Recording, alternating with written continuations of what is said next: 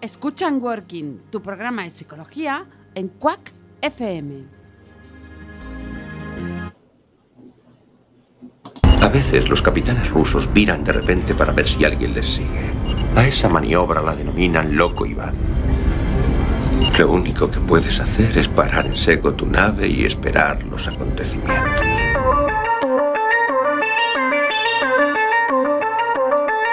Galasphere 347 of Space Patrol calling unidentified ship. They're not answering.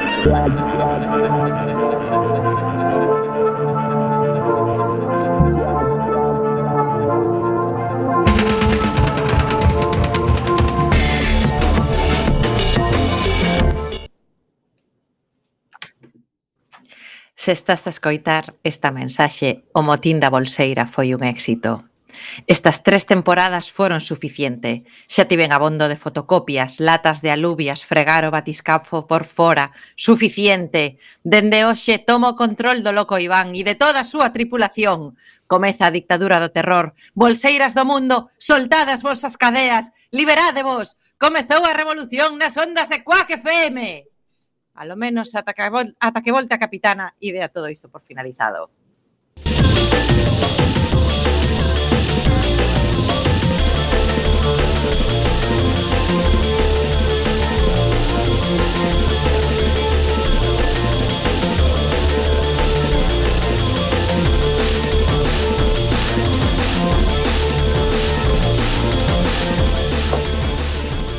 Y mm, bueno, ya que estamos, eh, Beosca, ¿estás por ahí?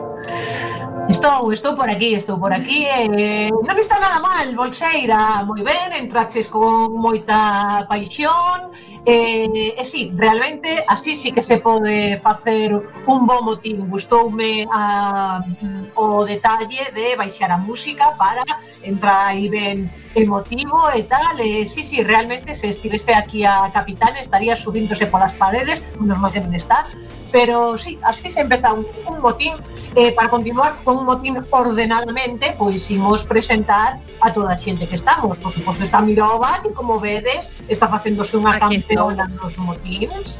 Por suposto, está tamén o camarada Bugalov, penso. Dende a sala de máquinas.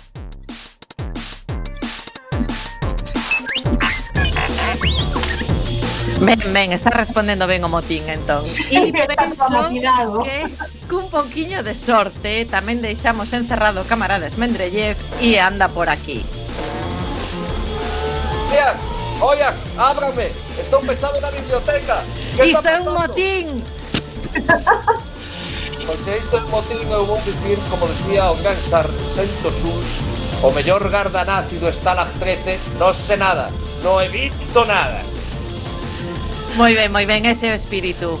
É que a min o que me pasa agora é que, claro, levo toda a semana pensando en liberar o loco Iván, pero me levou tanto tempo pensar no motín que a verdade é que non fixen nada máis. Así que, aparte de dicir ya está a xente que nos está escoitando que se o está a facer en directo en Coac FM é venres 14 de xaneiro ás 22.03 e se non, pois a verdade é que tanto ten, eh, pois non teño moi claro que o que temos que facer agora. Penso que igual mm, ver polo periscopio se hai algo preparado para estes días Alguén ten algún plan para esta fin de semana?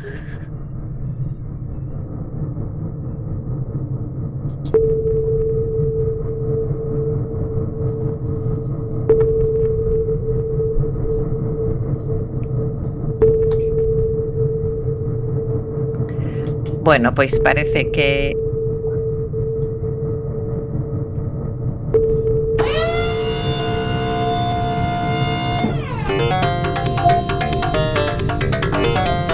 parece que non hai moitos plans para esta fin de semana, entón. Loco Iván. Periscopio. Bueno, capitán en funcións, pois aquí que buscando, Así me gusta, así me gusta. Ese era o título que eu quería. Nos, nos papelajos da biblioteca, pois sí que vexo que pode haber algún pequeno plan de fin de semana, non? Entón, pois, bueno, primeiro que saibades que hai unhas semanas falamos do espectáculo de Chever Nevermore e que acaban de sair a venda as entradas para o 27 de xaneiro e que estarán en Vigo e que, pois, bueno, pois paga, paga pena velos, non? tal vez alguén daqui poida comentar algo máis en profundidade en que consisten estos rapaces. Eu, como non me facedes nin caso, e está claro que a bolseira todo mundo a toma polo pito do sereno, sexa iso o que sexa, eh, hai unhas semanas, penso, eh, cando falábamos de catástrofes sí. en xeral, eu comentei que vira eh, este, este espectáculo de, de, da compañía de teatro Chévere en Compostela, que despois estivo na Coruña. Mm. Eh, e é un espectáculo que está baseado na, na catástrofe, o sea, na catastrófica xestión, máis ben, do, do Prestige, da fundimento do Prestige. E están, pois, eh, lin estes días que saían as entradas á venta para o espectáculo de Vigo, no? que a xente estaba pendiente por ver cando había novas datas, e eh, é o xoves da, da semana seguinte, o sea, dentro de 15 días. As entradas están a voar, entón, pois, por si que por si alguén do sur nos escoita, que a verdade é que Pois bueno, podemos engadir agora unha cousa máis.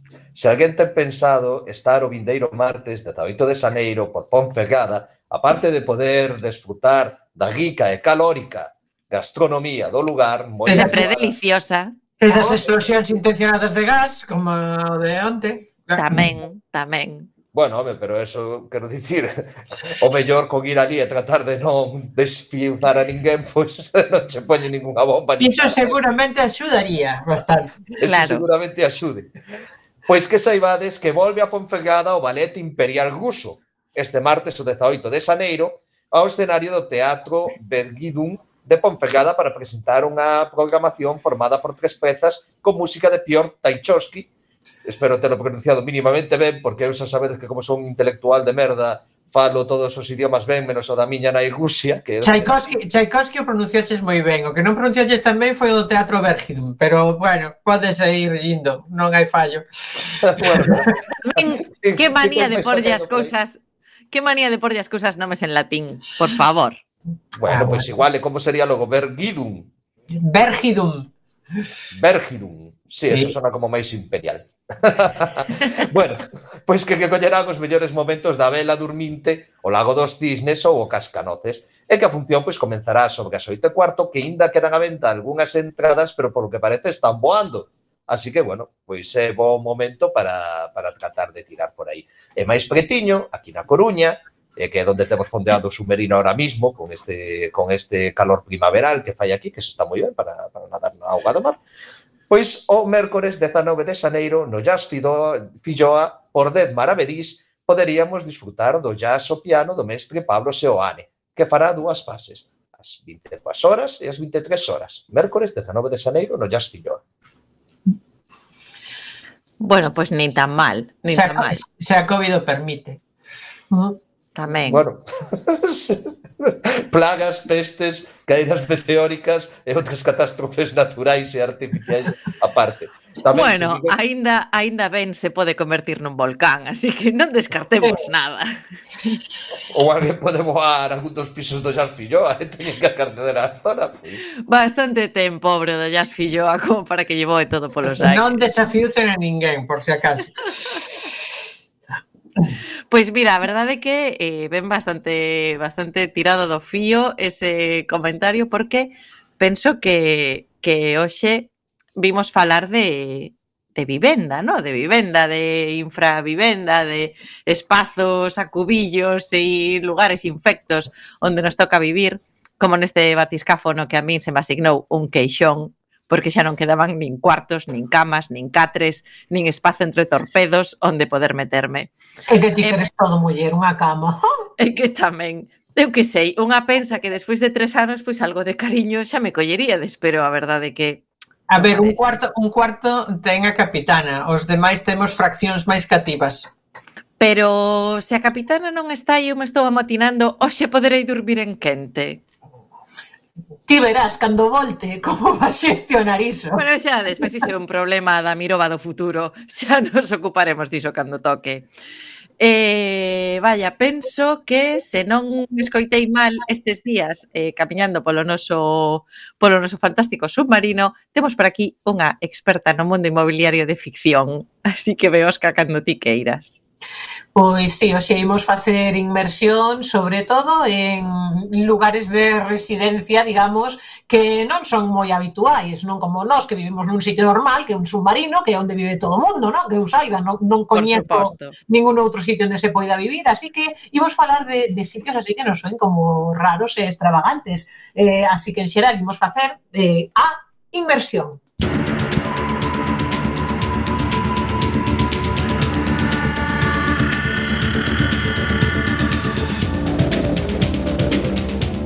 Eh, imos empezar falando dun sitio que dende logo é do máis extravagante que hai. Estamos escoitando a sintonía dunha serie que igual coñecedes, é American Gods, que é unha serie americana de 2017 que tivo tres temporadas e que está baseada da novela de nunha novela de Neil Gaiman, como xa saberá a nosa audiencia, porque xa ten comentado aquí alguna vez o o noso camarada IMM, o noso intelectual moderno de merda, que creo que xa ten lido e, e que lle pareceu ben, no? Dentro dos de Neil Gaiman non é o mellor, pero pero que está bastante ben, non é así es Mendeleev. Sí, sí, a min gustame moito esa serie, a novela está moi ben tamén, Bueno, a serie, sinceramente, a terceira temporada parece que foi un pouco para baixo, pero bueno, poñéndonos... poñéndonos de feito, xa remataron con ela. Terceira e última. A ver, é unha, é unha mágoa, porque a verdade é que, a, sobre todo a miña primeira temporada, pareceume que estaba moi ben levada dentro de que o limpiño da American Gods de, de Gaiman, e que collía moi ben as personaxes. A min gustábame especialmente este deus ruso eh, que pois, era tendente a matar a todo mundo con un mazo porque é unha cosa moi moi liberadora despois de, de sair do duro traballo diario pois ver unha xente con esa pues sí. con esa asertividade non? Cos, cos seus dereitos e todo, no, normal, Todo. Pois os conflictos hai que hai que lidialos así senón para que Son tres tempadiñas, eh, bueno, aínda que vai un pouco para baixo, eh, vese bastante ben, pero en realidade, aínda que non o pareza, eu non estou aquí para falar de American Gods.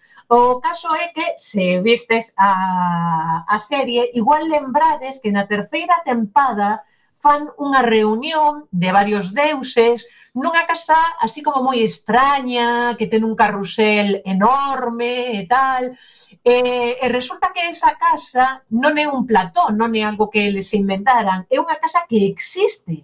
Chámase House on the Rock, eh, ou seja, a, a casa na roca, eh, está en Wisconsin. Eh, empezou a construirse a finais dos 40, principios dos 50, se mal non lembro, é eh, unha, unha ida de olla dun arquitecto chamado Alex Jordan Jr., que quixo facer dela un refuxio de fin de semana, e eh, quixo facer algo pois moi moi diferente tanto por fora como por dentro.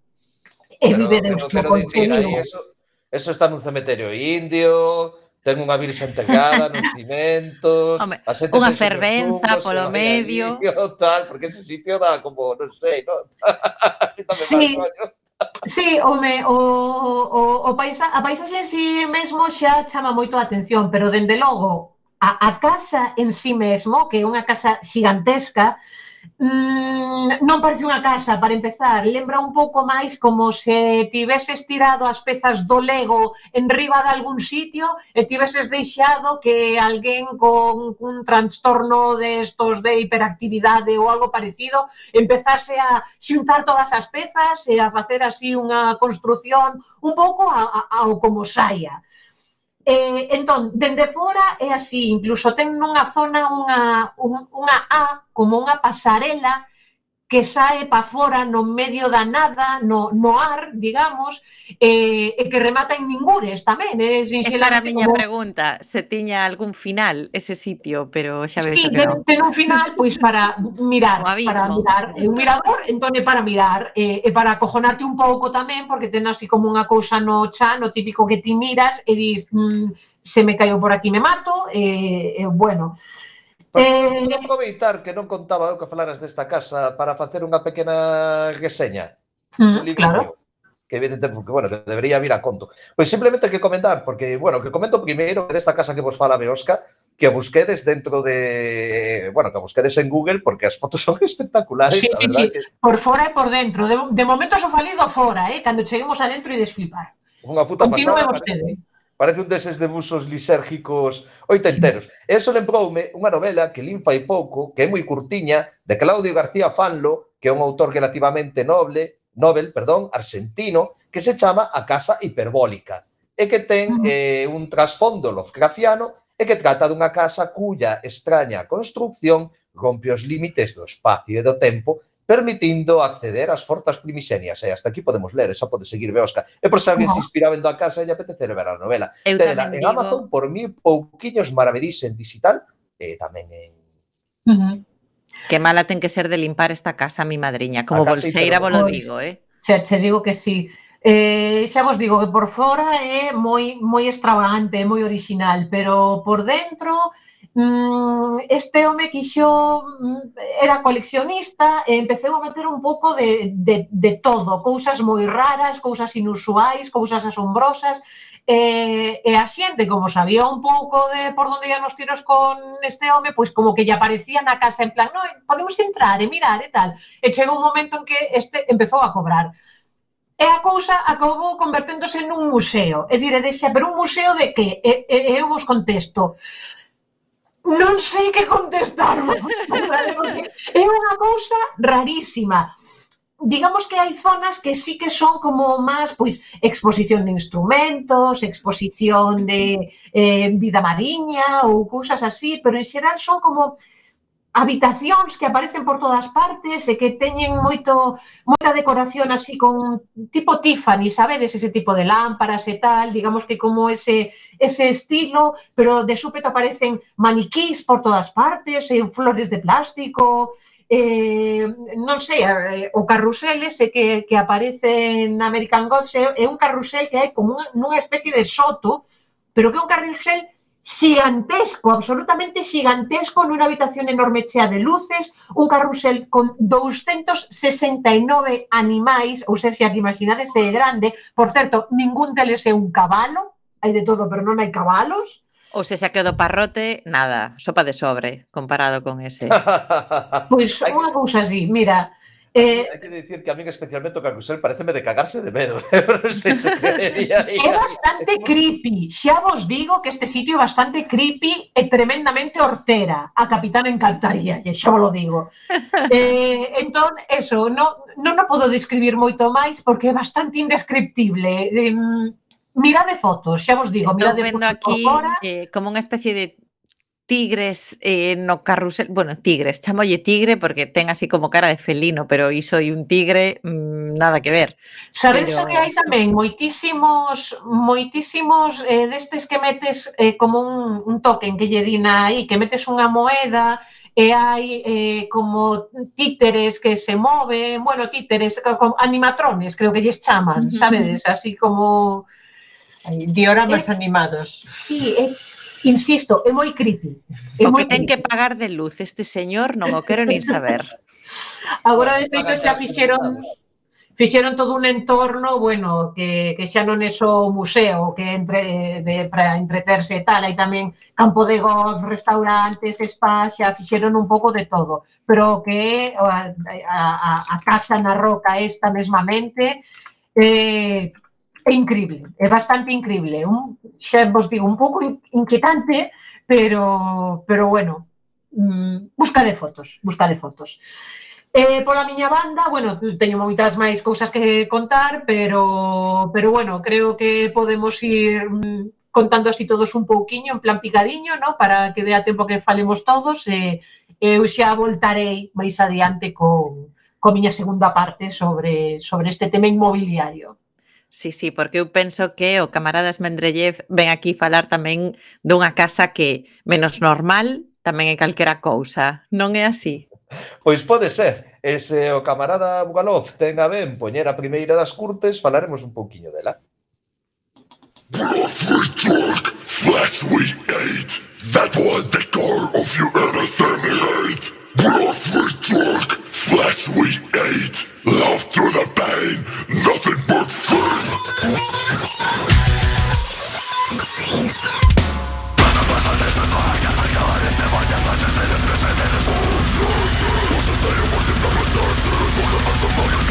pois eh, que saibades que esta musicola titúlase literalmente Baba Yaga é dun grupo ruso de thrash metal eu normalmente o thrash metal non é o meu non é o meu favorito eh, pero bueno, a Baba Yaga merece eso e eh, moito máis, non? Porque se hai realmente algo chungo e eh, tras eh, digno de ser cantado eh, con estes grupos tan especialmente chungos e esta lenda rusa que fala pois eh, dunha bella que ten uns cantos atributos un pouco especiais, non?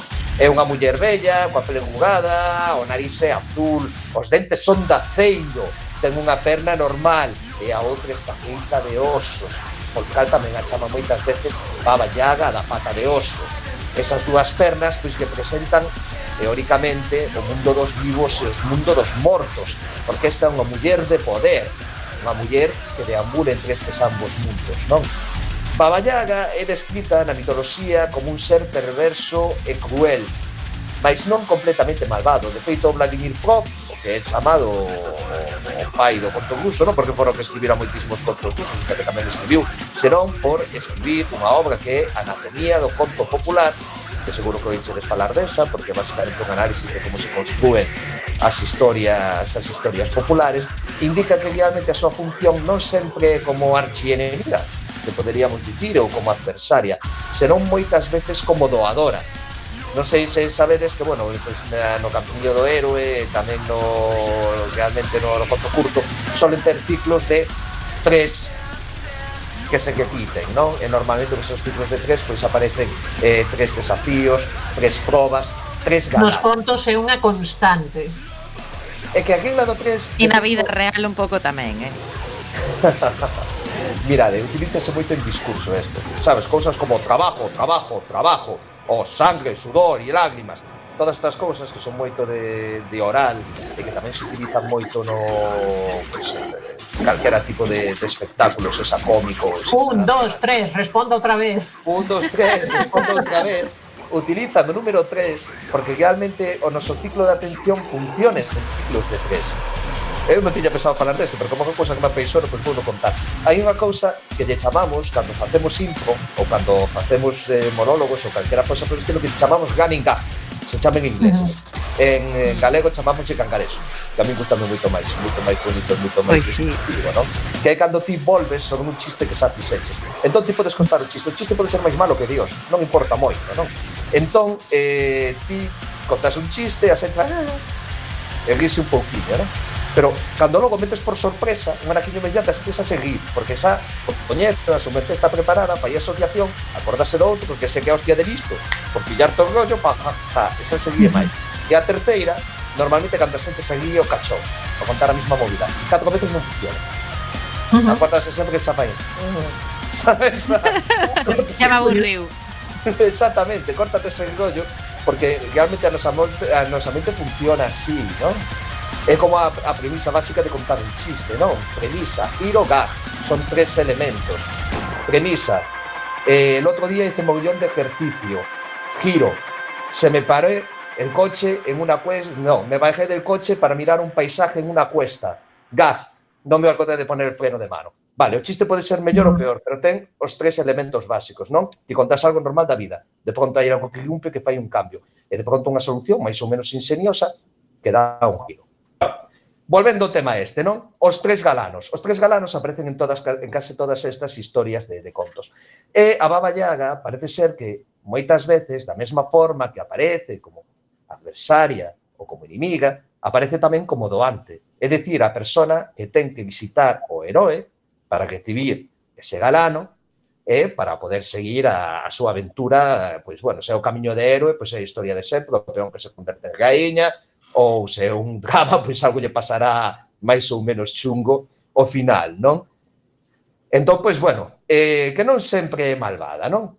E, bueno, esta muller ten unha serie de, de atributos, eh, aparte de, de eses dentes de aceiro que poden romperosos e desgarrar carne con facilidade, que é que boa, é boa eh, montada nun morteiro, non sei se se chama tamén Almírez en galego, non?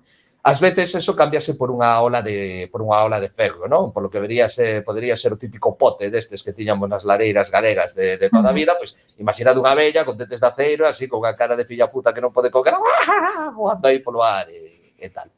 Unha eh, boa calquera, vamos. Unha boa calquera. Bueno, hai aboas galegas que as veces son moi capaces, eh? o sea, pero, sí. pero non por malas, por poderosas. Eu eh? hai señoras na miña aldea que poden botar un feixe de herbolón porque como bote eu, verás tío que me pasa, sabes? Xa teño que ir directo aí a Choaca que me fagan, a que me fagan, a que me endereiten ben. Pero o que quería chegar desto é onde vive a Baba Yaga. E a Baba Yaga vive nunha casoupa que está levantada sobre dúas enormes patas de galiña. De feito, o término ruso que se utiliza para describir esta, esta casa é isbusca, que significa algo así como choza de merda na mitade dun erial. Vale. o Para ser exactos. Que el María Moliner ruso define exactamente así. o sea, estes busca que eles cando traducen o idioma tradúcelo como casita, porque pode significar tamén pequeña casa ou algo así polo, polo estilo, non? Eh, realmente pois simboliza unha destas chozas que facían os povos nómadas primitivos de toda a zona de Rusia, porque Rusia, pois xa sabedes que a nosa hogar é un lugar apaisoante que realmente non foi construído ni sequera como Estado do Zar antes de que chegara a gloriosa revolución ata moi avanzado século XVII. Pois, eh, Ali pois, era todo pois, tribus paganas que adoraban os antigos deuses e que mantiveron os seus costumes durante moitísimo tempo. Non? Entón, esta muller vive este nesta casoupa que está levantada sobre dúas patas de galiña, eh, o cal podería derivar das cabanas de certos povos que destos que estamos falando dali, que se chamaban fino finougicos, que non sei moi ben o que significa, mesmo que son un intelectual moderno de merda, e facían así para protexerse dos osos e de outros animales simpáticos, non? Que non lles foran a, a molestar por la noite, e con ela podese desplazar por toda a Rusia, porque a casa anda, non? O balado da casoupa está adornado con cráneos... Pois, o que aforras en gasolina. O. Pero por suposto, a xente, a xente camperizando furgonetas cando podía ter unha casa que camiña, que ah. tamén, de verdad. Ela, para poder mover a casa, ten un meigallo. Ese meigallo eu non o sei citar en uso, sei que mo que citaron as migas mías que teño no seu momento, fixo moita gracia, sonaba algo así como bis busca, busca, papá, papá, triviet. algo por estilo. Que Totalmente, decir? vamos. Is busca, is busca, pon a popa cara ao bosque e a cara cara a nós. Eso que ela fai para chamar a casita, non? Entón, a casita pois vai aparecer para de facer o que lle mande a baba a baba Yaga. Ela non permite que unha persoa completamente boa permaneza na súa casa. E se o fai, fai no a desagrado e brevemente. A casa está adornada con cráneos e dentro dos cráneos hai velas. E non sei se isto vos lembra a algo. Non. Un pouco Halloween, non? O Halloween. Todo eso, pois, supónse que todo ese folclore está conectado do largo de todo o norte de Europa e que mesmo eh, aquí en Galicia din que din disque disque pola zona do Courel ainda era común, a min eso teño oído de facer o mesmo pola zona eh, donde, bueno, e busca eh, Lady Vendrellev que ela eh, parece ser que tamén facían o de vaciar os melóns que lle chaman ali as, as cabazas, non? E meterlle dentro o tema das, o tema das velas. Bueno, pois esta muller que come carne, que secuestra nenos, que a veces dá dons, etcétera, etcétera, etcétera, pode chamar a súa casa de patas de galiña para que a eh, protesa. O interior da casoupa está chea sempre de carne e de viño. Esta muller non é vegana. Pasa de verdura. E, ademais, está protexida polos seus serventes, que son invisibles e que se aparecen como mans espectrais no ar para cumplir todas as súas ordes e desexos. E tamén ten o seu servicio tres bogátirs, un branco, un vermello e un negro, que controlan respectivamente o día, o solpor e a noite. Entón, pois, bueno, simplemente comentar para rematar que esta é unha das figuras máis memorables e distintivas pois do, do folclore de, de Europa Oriental, non? tanto pola súa ambigüedade como pola conexión que ten con outras figuras similares que hai na, en outras partes de, de Europa. E unha pois, que se me ocurre agora mesmo é a Morrigan, que seguramente eh, teredes falado delas, non? Ou a máis bella das Tres Marías. As míticas Tres Marías, a muller virse, a muller madura, a muller bella. Pois esta sería a bella, a sabia, a poderosa. E, bueno, despois deste gol que os metín aquí, ultra cancio, pois penso que podemos cambiar de tercio e ir, e ir mirando aí un pouco. Pois sí, pois eu penso que isto merece un bo paso á sala de radio para ver que nos trae o camarada Bugalov.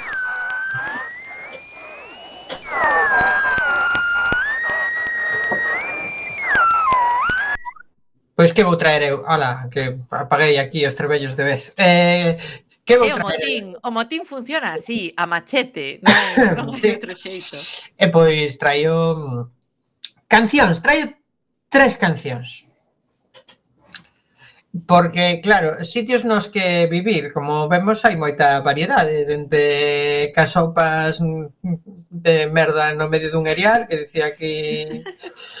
eh, que dicía aquí Esmendrellez, ou eh, pazos en riba dunha rocha que que dicía Beosca, eu traio tamén un par de casas diferentes. Por exemplo, a casa dos Crosby, Still, Nash and Young, que soaría así. You place the flowers in the vase that you bought today. Staring at the fire while I listen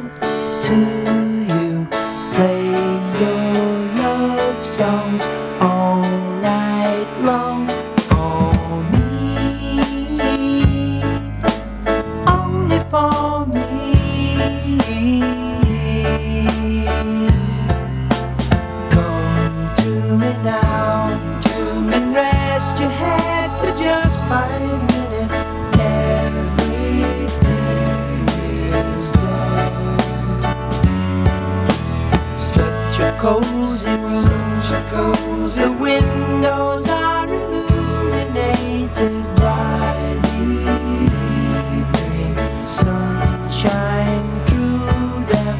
Fiery gems for you,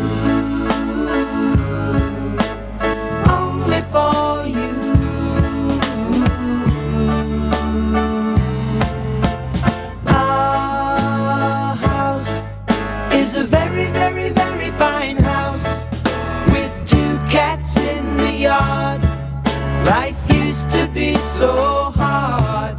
Now everything is easy cause of you. Bueno, hai que dicir que a min o que me suxire esta casa é que eh, can, todo iba mellor cando abrías o caixón eh, ese segredo dos psicotrópicos que tiñan ali Todo era fantástico, porque estamos a falar de ex Crosby, Steel, Nash Young, que coñecen máis clínicas de rehabilitación entre os catro que non sei.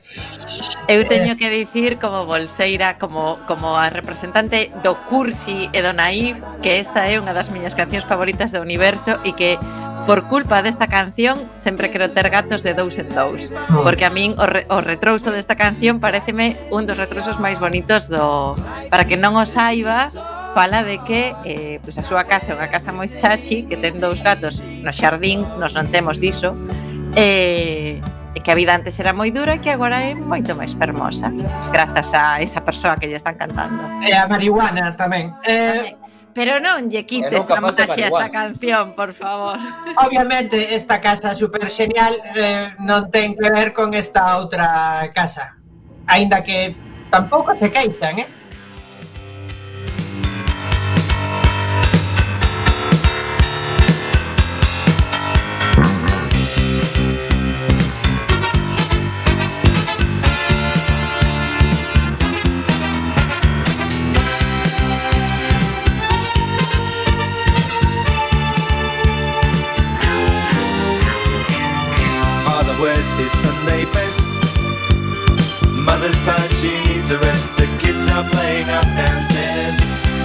Sighing in her sleep.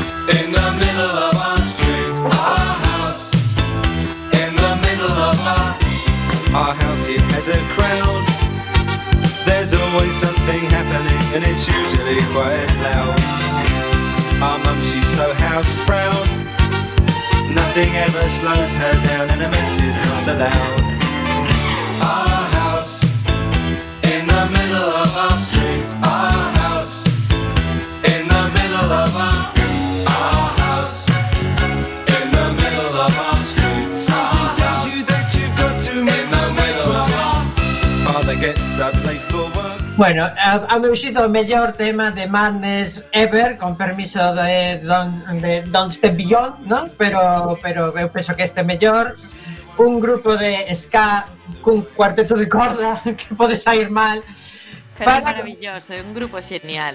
Para falar... Un para... directo, un directo regulinchi, teño que dicir.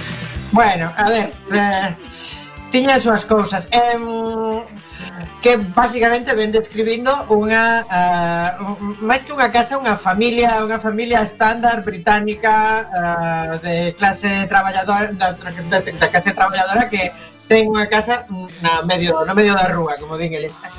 E a min esta canción non sei por que sempre me lembra aquel sketch dos Monty Python, no que había cinco señores falando do, do dura que fora a súa infancia, e un acababa vivindo nun lago eh, Eh, almorzaban veleno frío e eh, o seu pai os cortaba en rebanadas mentres cantaba aleluya arriba das súas tumbas, non? Era unha cousa... Me parece así un pouco como como viejo, viejuno tristona a canción, pero bueno, sei que os mandes votaban moito de menos as súas familias. Que Normal. pasa? Que pasa? Nos, como...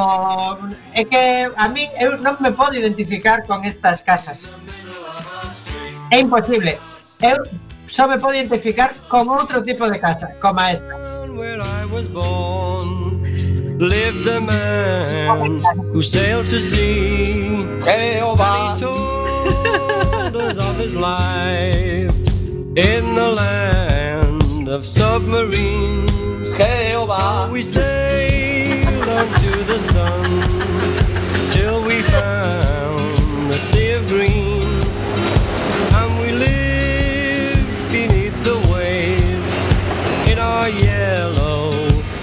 Submarine. We all live in a yellow submarine, yellow submarine, yellow submarine. We all live in a yellow submarine, yellow submarine, yellow submarine. And our friends. Eu teño que contarvos que a min esta canción estragouma o meu irmán cando era moi pequeno porque un día díxome Antía, oi, perdón, Miroba Antía o meu, o meu nome eh, non Magel, non sí. revolucionario. e eh, díxeme, ponme a canción de Xa morrín. E dende entón ata hoxe esta canción na miña casa chamase a canción de Xamorrín.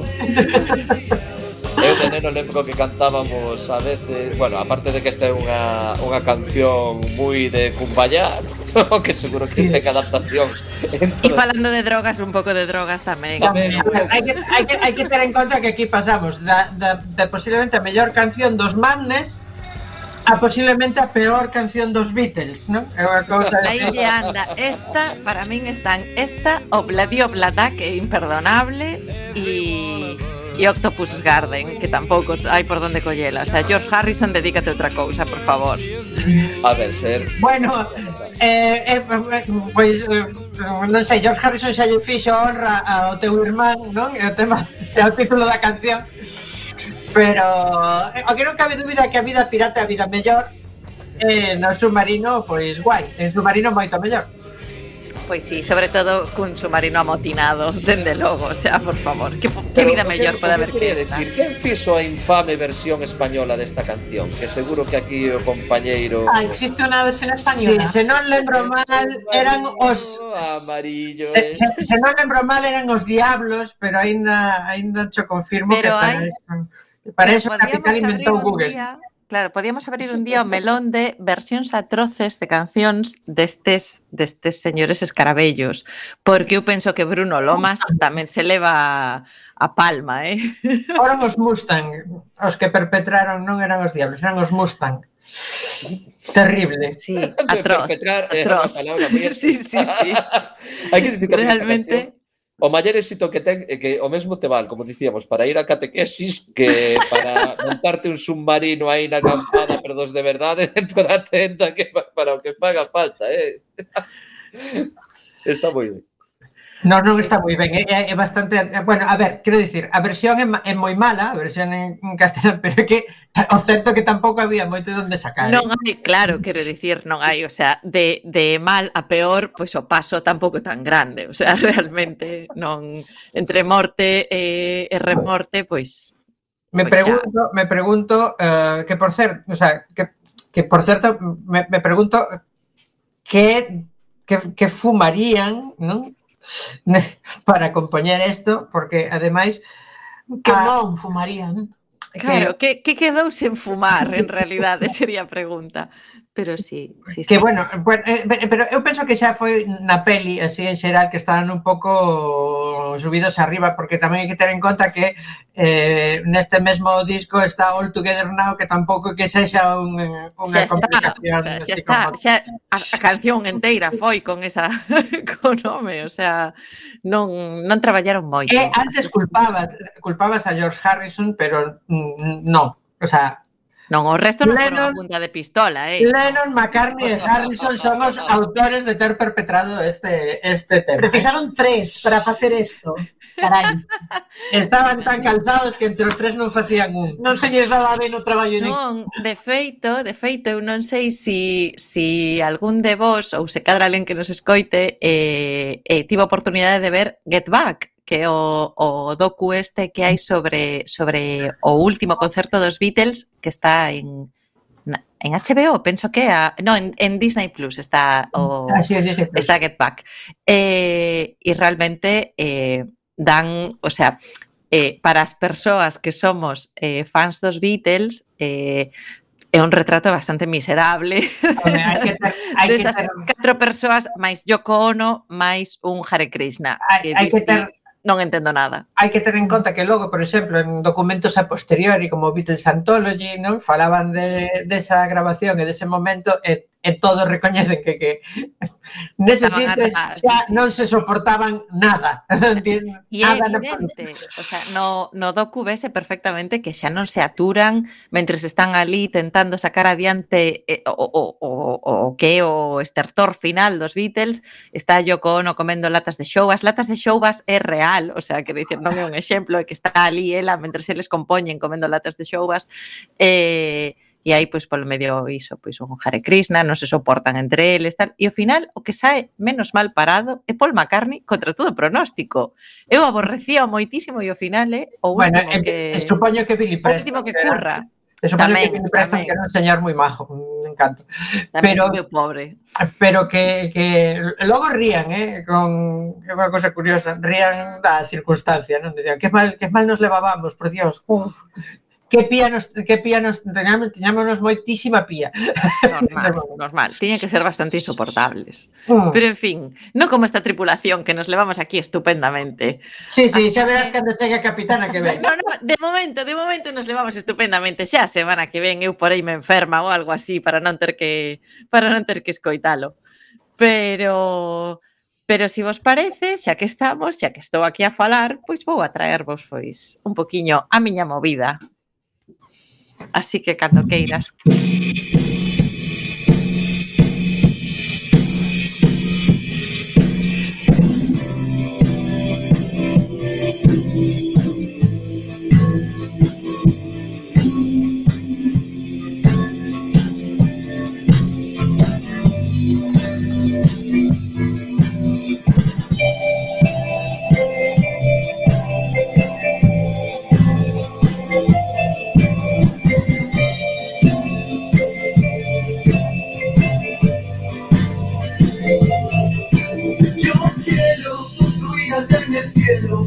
Casa en la que espero que podamos disfrutar. Mis ojos hoy están llenos de sueños y yo soy el dueño de todo y tu soñar. Por eso tengo yo mejor esta razón. Bueno, esta versión tan curiosa que vos traio hoxe seguindo así coas músicas atroces é eh, unha versión de Quiero hacer mi casa en el cielo de Andrés Dobarro, dun grupo que se chama Todo el Largo Verano, que é un grupo que, a verdade, eh, non coñezo e que me disculpen se hai alguén escoitando este, este programa. Eh, e está nun disco que se chama Manifesto do Barrista, que a verdade que se non o escoitastes nunca paga pena, porque son pois, iso, unha serie de, de grupos galegos eh, versionando a Andrés do Barro que saiu aí, pois penso que unha década máis ou menos. Eh, e hoxe, aproveitando que non está capitana, pois por suposto decidín pois traer esta, esta atrocidade outro día, outro outro día non se me pasa pola cabeza, vamos. pero, pero bueno, aproveitando o tema casas, hoxe pois eu eh, quería falar un pouco de casas de xente malísima, pero xente malísima de verdade eh, que viviu aquí en, en Galicia casas ah, algunhas. Dis, dis, por exemplo, a Moncloa, este tipo de Casa Blanca, no, este tipo de sitio. No, no, no, casas casas dese estilo, pero pero pero, que dan máis medo. O Escorial, sí, sí, sí. O, o Pazo de Meirás o que ven sendo do Bierzo para cá, ¿no? O sea, como por exemplo casas eh, das que temos falado algunha vez entre nós, pois nesas neses xantares do batiscafo, como por exemplo eh, a Casa de Verán de Manuel Fraga, que está en Perves, no Concello de Miño, unha casa que, por certo, está a venda por un millón de euros. Hai dez anos puxeron a venda por un millón e medio, pero eh, sei que o, a lei ah, da oferta e da demanda... Agora é moito máis asequible. Está moi mala a cousa. Claro. Claro, no, no, agora por un millón eu podo pensalo, por un millón e medio non se me pasa pola cabeza. A ver se llevar meter ocupas tamén, mira, pois pouco, o sea, a verdade, eh, pouco, o sea, pareceríame ben, o sea, non estou en contra. A ver, é unha casa de segunda, de segunda man e ademais ten golpe. No, no, e non está, o sea, a verdade, as cousas como son. Ten golpe que houve, que houve un atentado aí. Sí, sí, no, e, e tiveron, tiveron que reconstruir. Eh, o caso é que, se si tendes moita curiosidade, esta vivenda está eh, nun portal inmobiliario eh, que está na rede, o que non lle imos facer publicidade porque non nos dan ningún maravedí, eh, pero que ten un logo porque... amarelo é porque son todos o mal. Fillos do mal, son fillos do mal, así que estamos un pouco en contra, pero se si queredes ir a cheirar, pois ali está a casa de, de Fraga en Perves. Eh, pois ali podedes ver iso, este casoplón eh, e apreciar as súas 14 habitacións desproporcionadamente grandes e marmoladas, que é algo que a mí me sorprendeu moitísimo, que había mármore por todas partes, nas que eu supoño pois que o presidente pois botaría pois as súas cestas, vestiría pois os seus calzóns náuticos tan elegantes, pois non e colgaría... Sei, porque Ca camiñando, camiñando como camiñaba don Manuel, ter todo marmolado, ten que facer un eco, sí. unha cousa como resbalada. Podía botar o día tamén, podía botar o día entre 14 habitacións e o seu andar, pois ali pasaba. como pasaba o verán? Pois pasaba o verán porque dende a porta ata o seu cuarto, pois sabe Dios, ali botaba xullo para un lado e agosto para outro. Pero o caso é que, pois iso, eh, podes ver a casa dá bastante pena, entendo que está, pois claro, que le vas a habitar pois todo este tempo, pois ten así eh, para poñer a venda por un millón de euros está pois bastante mal, porque ten así pois moitos desconchóns de na, nas pinturas e estas cousas, eh, e poden verse tamén pois cabezas de pois dos pobres vechos, os que tivo a ben, pois iso, asasinar mentre cazaba polos montes en lugar de xestionar, eu que sei, por exemplo, crises medioambientais. Eh, a ver, por... a ver, que cando Fraga tiña mando o, o medio ambiente ainda non se inventara. Claro, aquilo non existía, que iso do medio ambiente, claro. come flores, por favor, é que de verdad. Tamén preocupámonos por cousas que que de verdad. Ainda non se inventara porque estaba entero o ambiente, ainda non era medio. ese, ese chiste castigo cho hasta eu, eh? o sea, a ver, na... é que, é que es mentrallazo, hoxe estivo moderno, entón... Home, moderno, moderno, non sei.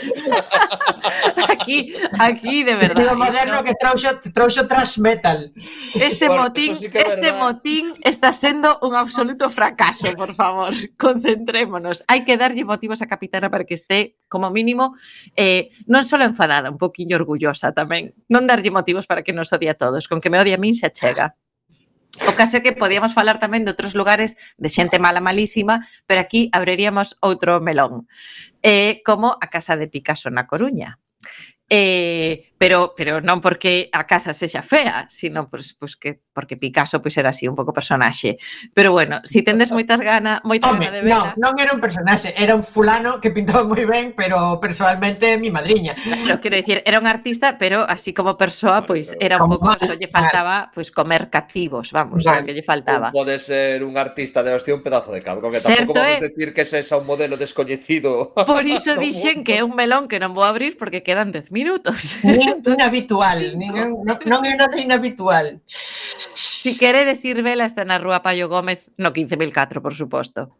Eh, por exemplo, tamén poderíamos falar de outra xente mala, malísima, pero está, pero está malísima de verdade, eh, que ven recalar aquí eh, de cando en cando e que sería xenial dicirlles, por exemplo, que non fai falta, grazas, moito obrigado, que xa poden irse, como o malísimo do rei emérito, que o mesmo atraca atraca en calquera dos sentidos que queirades darlle, en Sanxenxo, que aparece polo medio dos bares de noite de Vigo de verdade que podía quedar onde está, porque eu, cando foron dicindo eh, neste Nadal que se cadra pola noite de Reis aparecía este señor tamén, eu, de verdade que a mirra empezou a parecerme un agasallo estupendo. Dixe, por favor, que este non me veña.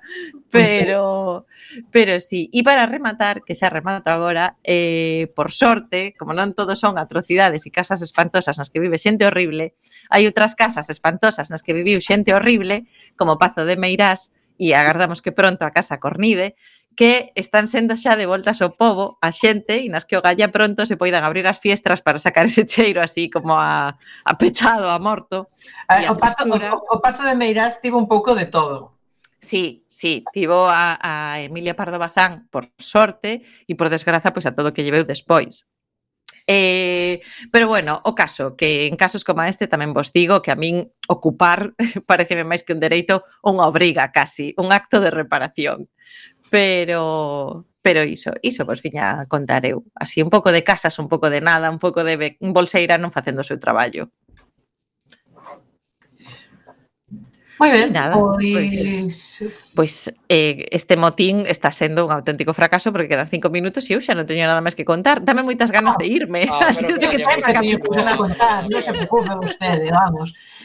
Eh, e precisamente quería falar de casiñas de chocolate, porque todos coñecemos a famosa casiña de chocolate do conto de Hansel e Gretel dos Hermann Grimm.